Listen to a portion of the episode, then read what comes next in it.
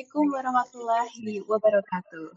Halo sahabat Vika, bertemu lagi kita di podcast setelah sekian lama kita udah nggak rilis episode terbaru ya. Nah, kabar baiknya kali ini bikin podcast kedatangan tamu spesial nih, yang nantinya akan berbagi cerita, ilmu, dan juga sudut pandang menarik tentang dunia teknologi. Dia adalah Mas Fail Amir, seorang programmer yang sudah punya banyak sekali pengalaman, yang sudah mencecap suka duka di dunia gaming, dan kali ini kita akan mendengarkan ceritanya tentang bagaimana sih cerita hidupnya uh, yang sudah banyak mencecap banyak pengalaman di dunia programming. Kita sapa dulu yuk. Halo Kak Fail. Halo semuanya. Ya, gimana Mas kabarnya? Alhamdulillah baik. Oke, sekarang lagi sibuk ngapain aja nih, Mas? Banyak sih. ya, oh, iya. lagi bekerja di bekerja di tiga tiga platform berbeda. Hmm, wah, ini udah nggak bisa diragukan lagi ya, mesti sudah pengalamannya banyak banget nih. Nah, produktif sekali ya. Nah, Mas, ini kita langsung aja nih ya, Mas. Mungkin sebelumnya nih kita uh, sebelum kita ngobrolin tentang dunia teknologi dan programming, kita mau kenalan dulu nih, sahabat Bika pasti ingin lebih tahu tentang Kak Fail itu dari mana sih gitu dan mungkin bisa diceritakan dulu dulu menjalani pendidikan di mana. Silakan Mas. Oke, siap. Uh, saya mulai ya. Bismillahirrahmanirrahim. Assalamualaikum warahmatullahi wabarakatuh. Waalaikumsalam warahmatullahi wabarakatuh. Uh, perkenalkan teman-teman, nama saya Fail Amir. Itu dari bahasa Arab, Fail artinya pelaku, Amir artinya pemimpin. Jadi uh, uh, bukan pemimpin juga sih yang memberi perintah. Ya ibu saya ingin saya menjadi seorang pemimpin di suatu hari nanti, insya Allah. Mohon doanya juga. Amin. Amin. amin. Uh, saya lahir tahun 98 di Jakarta. Hmm. Di ini, di ujung aspal Pondok Gede. Mungkin ada yang pernah tahu lagunya Iwan Fals. nah, di sana ada ada danau yang suka banjir. Jadi akhirnya keluarga memutuskan untuk pindah ke Indramayu. Hmm. Saat saya umur lima tahun dan itu belum sekolah. Uh, untuk ayah ini keturunan Kulon Progo. Ini hmm. salah satu hmm. alasan terbesar kenapa saya kuliah di Jogja. Oh iya iya. iya. Dan untuk ibu asal Bumi Ayu di Brebes. Bumi nah, oh iya. iya. Gimana mas? Nah di situ saya di Indramayu baru mulai pendidikan formal dari SD ada namanya SD Nambo. Mungkin teman-teman ada yang tahu? Kayaknya enggak sih. Soalnya daerah terpencil ya di tempat saya itu. Ke SD hmm. Nambo terus di pesantren masuk uh, Iyaya Al Aziz sekarang namanya. Dulu namanya Mahat Al Zaitun. Terus SMP Negeri 1 Gantar dan seterusnya SMK Negeri 1 Gantar di situlah saya pertama kali belajar komputer. Hmm, berarti sejak SMK ya mas ya? Iya. Sebelumnya waktu SMP malah ini jarang mas berhubungan sama komputer. Waktu mau ujian nasional baru saya ke warnet pertama kali. Masih ingat. Hmm. Iya oke okay. berarti uh, ini yang melatar belakangi Mas Fail milih jurusan komputer juga ya di universitas di kampus yeah. Jogja. Iya, itu juga alasan terbesarnya. Karena latar belakangnya dari RPL, Rekayasa Perangkat Lunak, mm-hmm. SMK saya, SMK satu Gantar. Nah, di itu, uh, di SMK satu Gantar ini mungkin karena saya suka ngulik, jadi ini, apa namanya ya, bisa lebih semangat lagi untuk bisa kuliah di jurusan komputer dulu di SMK saya yang merawat ini komputer ini SMK gitu. Wih, Pulangnya jam 10 malam. Wah, keren ya. Udah SMK tapi dapat amanah besar nih dari sekolah. Iya, Masya Allah. Alhamdulillah sekarang uh, hmm? Mas Fail udah lulus dari Amikom Yogyakarta ya? Habis lulus ya Mas ya? Nggih, Alhamdulillah, Masya Allah tahun ini. Sudah menjadi alumnus, mudah-mudahan bisa terus mengamalkan ilmunya dan terus semangat belajar di dunia programming. Amin. Amin. Amin. Ya, nah berarti kan dari cerita yang Mas Fail sampaikan tadi, memang sepertinya memang udah dari kesukaan ya Mas, dari kesukaan di titik terus ditekuni sehingga menjadi passion ya, yang insya Allah memang udah skill keahlian Mas Fail sendiri gitu. Nah lulus ini Mas, nah setelah lulus ini kan uh, Mas Fail tadi di awal sempat menyinggung kalau sedang memegang ke platform ya Mas ya. Nah itu mungkin bisa diceritakan Mas, itu platform apa aja dan kira-kira apa yang Mas kelola di platform tersebut? Baik, jadi uh, mungkin sebelum tiga platform itu saya ingin ceritakan yang lain juga ya yang pernah saya kerjakan. Oh iya boleh. Uh, dulu pernah ikut lomba di Brawijaya. Hmm. Alhamdulillah juara dua nasional yaitu Wah, ini jasacamping.com. Oh iya, uh, saya pernah pernah buka tuh websitenya. Nah itu tentang apa sih mas? Websitenya itu tentang apa? Itu ya menyediakan uh, ini orang kalau ingin bercamping supaya mudah itu biar nggak nyiapin peralatan-peralatan yang begitu banyak terus dia bawa sendiri gitu kan nah kita nyiapin jasa yang hmm. tinggal pesan nanti kita antar kayak gitu Hmm, berarti itu semacam um, website online ya, Mas ya, yang melayani jasa peminjaman. Iya, tapi lebih ke booking sih. Booking, Allah, oh, oke, oke. Nah, iya. itu di ya Mas. Wah Iyi. keren tuh, dapat juara satu. Itu berarti ah, boleh, mungkin Mas diceritakan dulu nih dulu itu pesaingnya dari mana aja gitu dan apa sih hal menarik ketika ikut lomba itu biar uh, semangat sahabat Ika nih untuk berprestasi. Oke, okay. um, hal menariknya ini kita persiapan itu seminggu ya. Hmm? Jadi bikin websitenya dalam waktu seminggu itu sesuatu yang mustahil sih, tapi ya alhamdulillah bisa terwujud juga. Nah, um, ya mungkin ini ya apa warisan budaya Indonesia yang deadline dalam satu kayak apa SKS seribu ya seribu candi dalam satu malam kan mm-hmm. tangkuban perahu uh, oh, benar banget ya.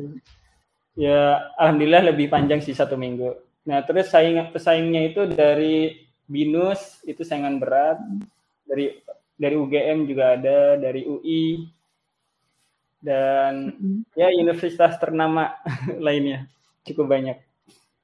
Oh iya, alhamdulillah. Itu tim ya mas ya, atau itu yeah. individu mas sendiri? Uh, bertim sih tiga orang. Bertim, oh iya. Dan hmm. alhamdulillah akhirnya tim Mas Fail nih yang dari Amikom bisa menyabet juara satu di tingkat nasional. Juara dua. Oh juara dua, alhamdulillah itu tetap keren tuh. Karena saingannya pun wah itu banyak banget ya dan apalagi apa ya untuk dunia teknologi seperti itu mesti orangnya hebat-hebat semua deh. Nah, kembali lagi Mas ke tadi yang tiga platform yang sekarang Mas Fail kelola. Nah, itu boleh diceritakan nggak Mas? Itu platform apa dan job desk-nya Mas Fail itu di bagian mana?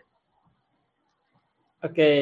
untuk tiga platform itu ada satu mungkin kalian tahu vertizontv.com. Vertizon TV pernah dengar? Itu YouTube channel yang bahas dakwah. Mm-hmm. Dan dia pusatnya pernah di Jogja. Mm-hmm. Ya, video-video mualaf sih sering. nah, waktu Deddy Corbuzier masuk Islam itu yang yang ngerekam Vertizon TV juga. Oh iya iya iya. Hmm, seperti itu. Websitenya website donasi. Iya, berarti yang pertama tuh, jadi ngikut programmernya mereka akhirnya oh iya iya iya tetap di Jogja oh. para pendirinya sih orang-orang Jawa Timur mereka lulusan hmm. Gontor semua, masya Allah. Ya, masya Allah. Itu berarti uh, sistemnya online ya mas, atau karena ada di Jogja terus mas sering bolak-balik tuh ke kantor Jogja? Iya, karena sekarang di Jogja jadi harus sering ke entah pertu ber, apa pertemuan di mana di kafe mana atau di workshop mana kayak gitu. Oh iya iya ding itu lebih fleksibel ya. Tuh. Oke, lalu Mas untuk platform yang kedua tadi apa? Uh, yang kedua tadi Gizipedia ya. Yang hmm? ketiga mungkin. yang ketiga ini ini namanya sebenarnya ini masih sedikit rahasia tapi nggak apa-apa. Saya jabarin oh, iya. aja. Wah. Wah, kesempatan Karena, emas nih dapat pelajaran. Iya, insya Allah ya. Tanggal 23 insya Allah launching. Teman-teman hmm. yang punya usaha jualan mungkin bisa pakai platform ini. Smart Broadcast. Jadi buat broadcast WA secara efisien dan tepat untuk penjualan. Kalau ini kos kita ini, mungkin ada yang pernah tahu Dewa Eka Prayoga mungkin? Oh iya, oh, saya tahu banget ya. Nah itu kita kerjasama sama beliau. Dan Wah, satu lagi dan satu lagi Riko Huang. Tahu Riko Huang mungkin? Teman-teman. Tahu tahu, pengusaha sukses juga. Iya. sukses semua ya, masya Allah. Yeah. Nah itu kita kerjasama sama dua orang besar itu, insya Allah. Wah, masya Allah. Berarti tadi namanya Smart Broadcast ya, Mas? Iya. Iya, itu sebentar lagi akan rilis. Uh, monggo silakan sahabat Bika nih yang punya UMKM atau usaha apa pun nanti bisa memanfaatkan fitur ini ya Mas ya. Berarti ini nanti rilisnya tuh uh, itu semacam di Google Play Store atau itu masih yeah. dalam bentuk ada aplikasi mobilnya di Google Play Store dan ada aplikasi webnya juga. Oh ya, wah itu keren banget nih harus dimanfaatkan nih untuk memudahkan pekerjaan ini ya pelaku UMKM itu sendiri ya Mas ya. Smart yeah. Broadcast gitu nah terus tadi yang kedua ada ya mas ya Iya.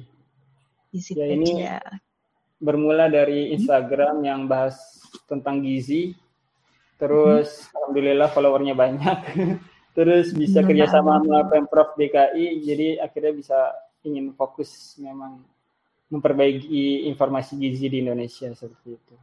Untuk yang Wah, gizi. mantap deh. Wah, mantap banget deh. Nah, ini dari tiga platform yang Mas jelaskan tadi ya. Itu kan kalau aku lihat ini punya karakteristik yang berbeda-beda ya, Mas. Punya ciri khasnya masing-masing. Yang satu hmm. di bidang dakwah, yang satu di bidang kesehatan, di bidang gizi, terus yang satu lagi di bidang bisnis gitu. Nah, hmm. kira-kira tantangan apa sih yang Mas Fail hadapi ketika uh, memegang proyek tiga platform itu? Oke, ini mungkin akan saya jawab dengan ini pemikiran saya dulu ya waktu SMK mungkin. Iya. dulu SMK SMK saya diajarin tuh cuman pelajari ini, terus nanti ujiannya ini, nah kamu lulus sudah selesai sampai hmm. situ untuk belajar pemrograman. Tapi setelah kuliah dan ternyata teknologi itu sangat banyak sekali macamnya Terus setelah selesai kuliah dihadapkan dengan ternyata nanti kalau kita kerja sebagai programmer ada yang bahasnya bisnis, ada yang bahasnya edukasi, ada yang bahasnya tadi kesehatan eh ya apa dakwah kan dan itu udah dunia yang besar juga. Jadi ternyata programmer itu seseorang yang nggak boleh berhenti belajar sih. itu yang saya rasakan. Setuju, setuju. Hmm, karena tuntutan platform yang akan kita kerjakan itu memang menuntut kita untuk punya pengetahuan yang bisa sampai apa ke dalamnya juga seperti itu. Ya hmm. gitu sih. Jadi harus ubah mindset. Kalau programmer tuh nggak harus nggak cuman bisa bikin aplikasi aja, tapi tahu gimana aplikasi itu bisa bermanfaat benar-benar bermanfaat untuk orang gitu. Wah itu setuju banget sih mas. Jadi uh, profesi kita itu yang namanya belajar itu harus ya belajar sepanjang hayat dan juga uh, terutama kebiasaan membaca nih kebiasaan membaca terus memahami isu-isu terkini yang sedang hangat nih di zaman sekarang. Nah itu, itu mesti penting banget ya mas. Karena nggak tahu nih klien apa sih yang mungkin akan kita pegang klien yang seperti apa. Nah kayak gitu. Nah uh, mungkin ini ya mas ya. Aku itu penas kalau Mas Fail tadi kan cerita memang dari SMK bahkan uh, udah dari SMP itu udah ada ketertarikan sedikit gitu pas SMK semakin besar lagi nih uh, minatnya terus ditekunilah uh, untuk mengambil jurusan di kuliah lalu sampai sekarang pun menjadi pekerjaan di bidang programming. Nah, yang ingin aku tanyakan nih Mas, buat di luar sana juga penasaran. Kira-kira kalau misalkan uh, kita dari SMA nih, dari SMA yang notabene jurusan Pak IPS, tapi untuk jadi programmer gitu. Nah, untuk jurusan kuliahnya bisa ya masuk ke jurusan apa komputer gitu atau IT. Nah, tapi kalau dari sudut pandang Mas Fail, itu kira-kira memungkinkan nggak untuk bisa menjadi programmer yang hebat gitu, yang bekalnya ini udah banyak banget. Kira-kira bakal uh, kompetit kompetitornya dengan yang alumni SMK itu akan berat nggak sih, Mas? Hmm, oke. Okay. Um, ini uh, saya cerita dulu mungkin ada satu fakta unik yang bukan fakta unik sih ya. Hmm. Pengalaman unik. Jadi saya punya teman, dia itu lulusan SMA, tapi kemampuan hmm. programmingnya itu membuat saya terpukau. Serasa dia sudah kuliah malah. Jadi ini memang dia suka belajar sih. Intinya memang karena suka membaca, suka belajar, dia bisa membuat skill programmingnya itu tumbuh dan di SMA malah ini ada nilai plus karena di SMA itu matematika kan sangat mendalam tuh ya oh iya iya ya itu yang turunan fungsi. Nah itu tuh dipakai di dunia programming. Nah di SMK malah agak diabaikan sih pelajaran matematika seperti itu. Nah jadi kuncinya kalau kalian misalnya sahabat Bika ini di SMA nih uh, itu ilmu yang udah kalian pelajari itu mas ini bisa dipakai tinggal kalian pelajari satu lagi yaitu gimana sih cara memprogramming si komputer untuk bisa apa uh, uh, logika-logika yang pernah dipelajari itu bisa dikerjakan oleh komputer nggak sama kita lagi bukan kita yang mikir tapi nanti komputer yang mikir seperti itu dan belajar programming itu bisa dikebut sih Se Wah, sebulan, bisa ya? sebulan sudah bisa insya Allah. Wah, insya Allah. Bisa ya satu bulan ya? Iya. Bootcamp kan rata-rata uh, udah ada yang tahu bootcamp mungkin? Uh, jadi Aku bootcamp. belum mas. mungkin bisa dikenalin secara singkat nih untuk sahabat hmm. Vika. Hmm, Oke, okay. bootcamp itu biasanya program yang dilakukan oleh startup-startup teknologi besar kayak Gojek, Tokopedia kayak gitu untuk mencetak hmm. generasi programmer yang baru gitu. Jadi biasanya dikebut tuh selama sebulan belajar dasar-dasar sampai bisa bikin aplikasi yang kayak aplikasi mereka kayak Gojek, Tokopedia dan Shopee. Nah, jadi sebulan tuh sebenarnya udah cukup. Nah, oh, Oke, okay. berarti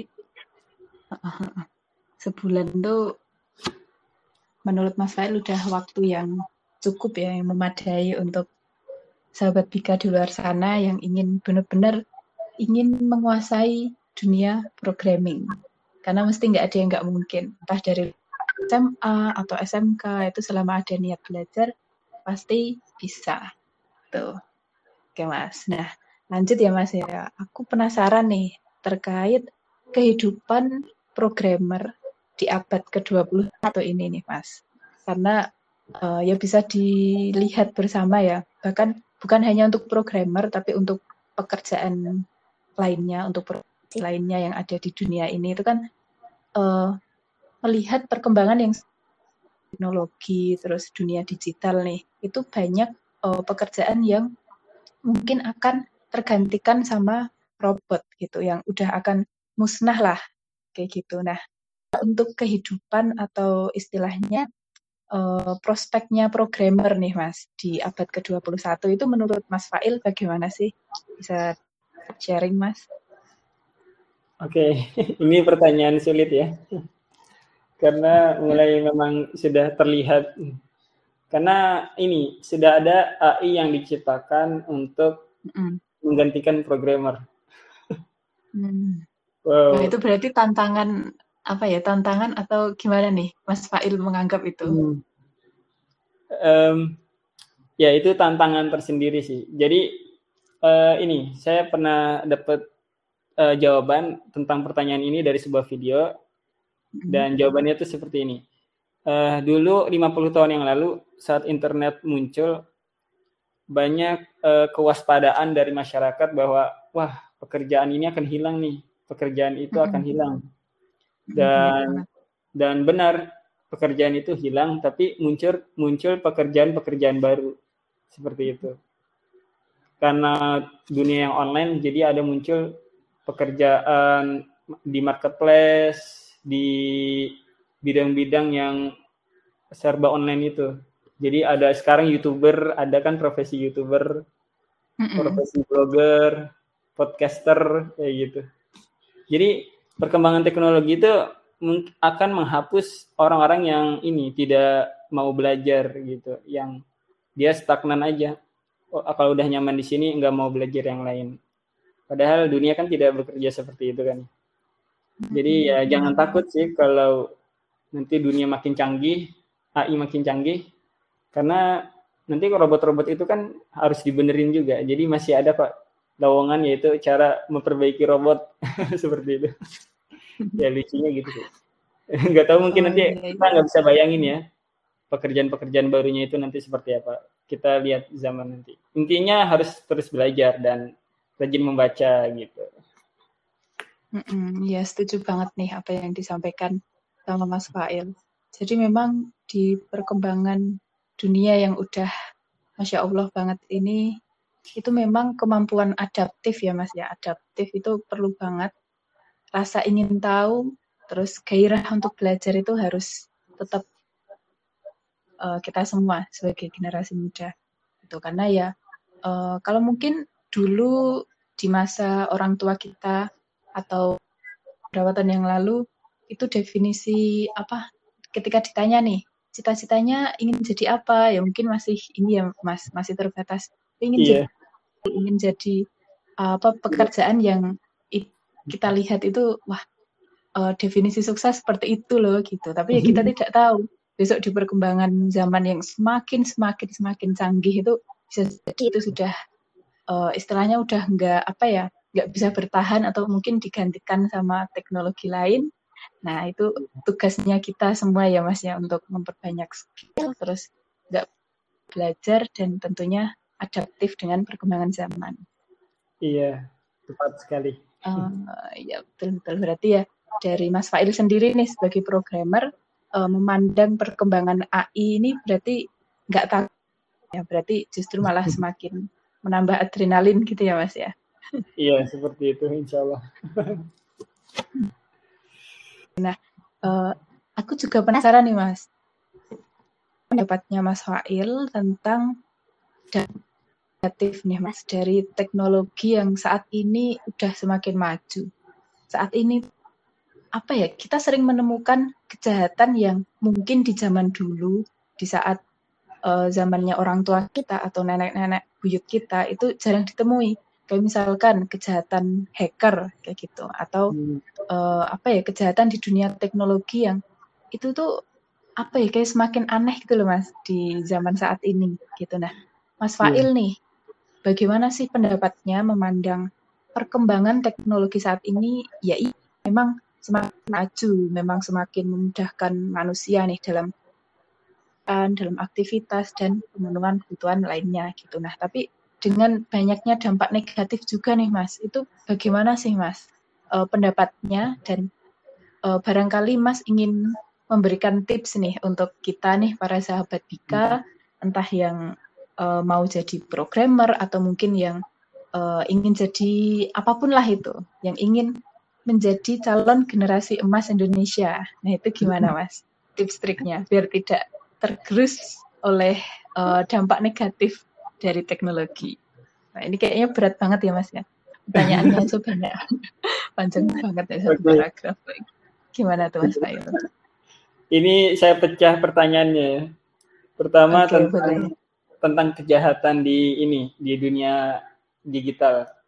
Uh, uh, jadi uh, yang perlu mungkin teman-teman kalian tahu jadi ada banyak bentuk kejahatan, ada device, ada hacking, ada cracking, mm-hmm. ada exploit dan ada banyak macam lainnya. Tapi ada mm-hmm. satu yang paling paling unik dan dia itu paling apa ya? paling tinggi lah tingkatannya, yaitu social engineering. Jadi eh, social engineering itu artinya ini eh, mencari kelemahan dari manusianya bukan dari hmm. komputernya, bukan dari sistemnya. Jadi mungkin sistem sudah aman banget nih. Uh, kayak kalian tahu WA kan enkripsi ya, terenkripsi gitu, hmm. atau ya uh, banyak sih password-password WiFi itu kan terenkripsi. Itu hmm. enkripsinya kalau dipecahkan butuh waktu 200 tahun. Tapi hmm. sayangnya dari segi manusianya dia cuman ngisi password 123 atau 444 jadi password-password yang mudah ditebak gitu kan. Nah, jadi secanggih apa pun sistem kalau si manusianya tingkat pengetahuannya tidak bisa mengikuti sistem ya akan ini akan kehack juga, akan, akan mudah dimanipulasi juga. Jadi memang ternyata untuk bisa terjun di dunia digital harus punya ini juga apa namanya ya sosial sosial digital. Tahu ad, apa adab uh, kalau dalam dunia Islam kan adab gitu ya. Tahu adab di hmm. dunia digital seperti itu. Harus hmm, tahu cara berkomunikasi dengan si komputer ini. Harus berpikir yang tingkatan lebih tinggi mungkin ya. Dari mulai hmm. password karena sebuah akun yang kehack itu bisa sangat dampaknya besar nanti ke depannya saya mengalami teman-teman yang akunnya sudah besar terus kehack akhirnya hancur. Ya harus mulai dari nol. Ya kayak akun Vertizon sendiri, akun dakwah ini dia itu setiap sebulan sekali kehack dan padahal sudah dua apa two factor authentication terus udah recovery email apa um, nomor HP juga ada recovery-nya tapi tetap kehack Jadi ya, memang selalu ada perjuangan sih, walaupun digital makin canggih, pasti akan ada ujian juga. Uh, ya. Intinya nih, uh, pengetahuan digitalnya juga harus ditambah untuk yang tentang kejahatan ya. digital. Terus yang kedua, kejahat ini apa dampak negatif dari teknologi ya. Ada ada satu kisah menarik dari seorang youtuber. Dia cerita begini dulu dia pernah jadi seorang driver. Nah, dia melihat se sebuah keluarga yang keluarga itu main HP semua dan hening. Tapi di sisi lain, dia juga pernah melihat sebuah keluarga yang satu anaknya itu tahu hal menarik dari HP-nya, terus langsung berbagi ke keluarga yang lainnya. Dan keluarga yang lainnya pun ikut merasakan dan waktu itu humor ya, jadi mereka ikut tertawa karena postingan dari satu anak itu. Jadi intinya itu sebenarnya masih tetap di sosialnya itu. Jadi kalau mereka mereka punya sosial yang tinggi, teknologi tidak tidak akan bisa mengganggu sih. Mungkin kecil, hmm. tapi bisa jadi besar kalau pengetahuan sosialnya kurang tentang adab, tentang akhlak, yang seperti itu. Hmm, ya. Wah ini uh, banget sih mas. Dan memang uh, untuk aku sendiri ya Mas ya, untuk aku sendiri itu kadang melupakan hal itu. Dari yang tadi pertama Mas Fail sampaikan tentang ini ya pemilihan sandi atau password gitu. Wah ini untuk aku nih ini se seperti tertohok nih karena untuk beberapa apa media sosialku itu masih sama gitu passwordnya. Padahal itu bahaya banget ya Mas ya kalau semuanya yeah. disamain gitu. Ya, oke oke oke. Berarti ini hal mungkin sering dianggap sering dianggap sepele ya Mas ya untuk para pengguna gawai atau smartphone ketika memilih password itu adalah yang gampang dihafal aja gitu. Padahal tidak ingin berusaha di awalnya itu. Uh, uh, ya. Dan selanjutnya lagi-lagi tentang adab memang adab itu yang penting bahkan harus diutamakan seperti kita mengutamakan ya Mas ya. Jadi ya yeah. mana baik-baiknya kita, pintar-pintarnya kita untuk uh, menguasai ilmu sosial jadi biar nanti kalau teknologi apa pun itu kita jangan sampai dikuasai tapi justru harusnya kita yang bisa menguas menguasainya gitu. Nah itu yeah. bagus banget sih Mas ya. Makasih tipsnya ya Mas ya. Habis ini nanti aku tak pikir lagi nih untuk bikin password yang rumit biar nanti media sosialku apa aman. tetap aman gitu. Nah mungkin ini pertanyaan terakhir ya Mas ya. Uh, masih ada kaitannya tentang teknologi dan uh, ini mungkin pertanyaan yang uh, apa ya sempat dikhawatirkan oleh banyak pengguna media sosial gitu. Jadi kemarin uh, beberapa waktu yang lalu deh itu kan sempat ada kabar kalau data kita gitu mas ketika hmm. Uh, daftar apa sih kemarin? Banyak banyak berita kalau uh, data pengguna aplikasi ini lu katanya bocor lu nah kayak gitu. Nah yang ingin aku tanyakan nih mas di situasi saat ini yang kita hampir bergantung dengan berbagai media sosial ya termasuk WhatsApp gitu ya mas ya. Kan katanya hmm. WhatsApp itu uh, ya pokoknya gitulah dengan berbagai isu negatif yang berada di luar sana nah padahal kita ini terpaksa atau mau nggak mau nggak ada pilihan lain kita harus menggunakan WhatsApp sebagai media komunikasi hari gitu.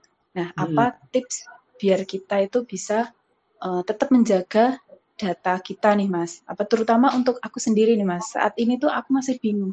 Kira-kira dataku itu aman nggak ya? Terus gimana sih caranya biar aku itu tetap bisa uh, beraktivitas, memanfaatkan uh, sosial media yang ada, tapi tetap aman datanya. Nah itu gimana tuh mas? Hmm, hanya ada satu pilihan sih. Apa? Tapi itu? kebanyakan orang tidak ingin memilih pilihan ini. Apa tuh? Ya, yaitu uh, menggunakan sistem operasi Linux, distronya Cube Cubebox, Cubebox. Cubebox. Nah, ya. Jadi di sana satu aplikasi sama aplikasi lainnya sama sistem operasi itu semuanya terenkripsi kalau saling berhubungan. Tapi kan itu Linux ya. Linux itu notabene sistem operasi yang susah dipakai. Windows kan kadang juga masih kesulitan kan, banyak juga. Apalagi Linux Linux ini benar-benar hacker lah yang pakai itu. Orang-orang yang suka komputer. Kalau hmm, gitu ya. hmm, kalau nggak ada kalau nggak mau cara itu ya ini berarti jangan ngirim data penting lewat aplikasi yang kurang terpercaya kayak gitu. Hmm. Kalau yang hmm. ya WhatsApp ini sih masih dibahas tentang dia terpercaya atau enggak. Tapi kalau mau yang hmm. terpercaya banget ada satu namanya Signal. Tapi penggunanya juga sedikit karena kan orang pengennya yang udah terkenal aja. Ya WhatsApp kan udah terkenal ya. Mas kendalanya tuh ya mungkin pengguna Signal atau uh, Telegram ya kemarin sempat dapat saran coba pindah ke Telegram gitu. Tapi pengguna Telegram uh, komunitasku itu masih dikit gitu mas. Jadi ya satu-satunya ya WhatsApp itu. Berarti masih yeah. pro kontra ya mas ya terkait yeah. itu sendiri. Iya itu ini apa ya untuk mungkin kalau data penting lewat baru me lewat media yang lain. Ya mm-hmm. baru lewat telegramnya gitu. Mm, ya harus pandai-pandai sih menjaga uh, yang ya itu lagi ke, kembali lagi ke social engineeringnya itu. Jadi memang dari si usernya harus pandai.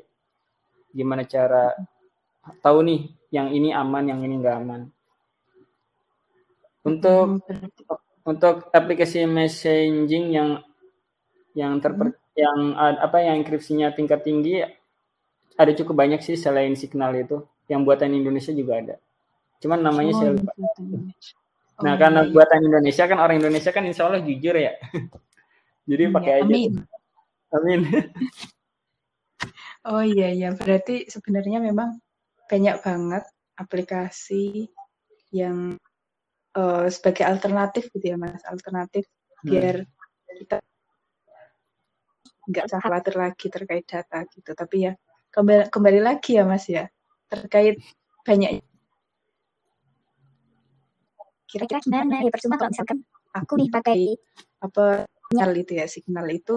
Nah tapi ternyata cuma aku tok nih yang pakai. Dan nanti tetap komunikasinya uh, apa nggak berjalan lancar juga gitu ya. Berarti satu-satunya kunci yang sedikit terapkan itu ya berarti social engineering tadi ya mas ya. Bagaimana sih kita untuk uh, mengatasi atau mensiasati ketika ngirim dokumen rahasia itu berarti ya bisa lewat aplikasi lain yang terpercaya atau mungkin ketemu langsung gitu ya mas ya? Iya itu yang banyak social distancing gitu. Iya. Jadi ketemu langsung lebih kalian silaturahmi kan. Hmm, itu. Oke, wah ini nggak terasa ya Mas ya udah 36 menit nih, udah 36 lebih. Hmm. Kita ngobrol bareng, diskusi dan ini aku dapat banyak insight positif, banyak pengetahuan baru dan tentunya bukan cuma aku aja, sahabat Bika yang yang di luar sana juga mendapat banyak ilmu nih dari Mas Fair. Jadi makasih banyak ya Mas. Gak terasa waktu udah berjalan begitu cepat dan sepertinya uh, nanti mudah-mudahan bisa kita sambung di lain kesempatan ya Mas ya dengan topik teknologi yang tiada habisnya untuk dikulik sisi menariknya, sisi positif, negatif dan semuanya lah sisi-sisi baik. Gitu. Nah, yeah. aku ucapkan kepada Mas Fail terima kasih. Mudah-mudahan uh, segala kesibukan Mas Fail, segala aktivitasnya diberikan kelancaran. Lalu untuk platform yang sedang diambil nih, yang sedang ini mudah-mudahan uh, berjalan dengan lancar. Terus untuk rencana rencana-rencana ke depan Mas Fail mudah-mudahan bisa terrealisasi dan selalu diberkahi. Amin. Amin. Terima kasih ya Mas Fail ya. Dan sebelum yeah. podcast ini aku mau ingetin ke sahabat Bika di luar sana untuk kalian bisa juga uh, seperti Mas Fail. Jadi nanti uh, jika berminat untuk kami wawancarai, nanti sahabat Bika bisa menghubungi kontak person kami yang ada di Instagram @indonesia. Atau kalian ya nih, jadi kalian bisa ada dua pilihan mengirim karya atau mengajukan diri untuk diwawancarai sama tim bikin podcast. Itu silakan kalian kepoin Instagramnya @bika_indonesia. Tak lupa juga untuk kalian yang punya bisnis atau UMKM, usaha apa pun itu, selagi itu usaha di bidang kebaikan ya, itu kalian boleh banget untuk join ke bikin podcast ini untuk kolaborasi karena nanti bikin podcast akan sedikit membantu untuk membranding usaha kalian gitu. Jadi insya Allah kita sama-sama uh, mendukung untuk perkembangan UMKM di Indonesia dan insya Allah nanti dengan saling bekerja sama itu kita bisa menambah kenalan baru juga gitu. Pokoknya untuk segala informasi bisa sahabat Bika kepoin di Instagramnya @bika_indonesia. Mungkin itu dulu dari aku. Sekali lagi makasih ya Mas Fail ya. Sampai iya, jumpa ya, di kesempatan berikutnya. Mudah-mudahan nanti kita bisa ngobrol lebih dalam lagi nih tentang teknologi. Ya, mungkin ya. itu saja sahabat Bika. Terima kasih dan sampai jumpa di kesempatan atau di episode bikin podcast selanjutnya. Wassalamualaikum warahmatullahi wabarakatuh.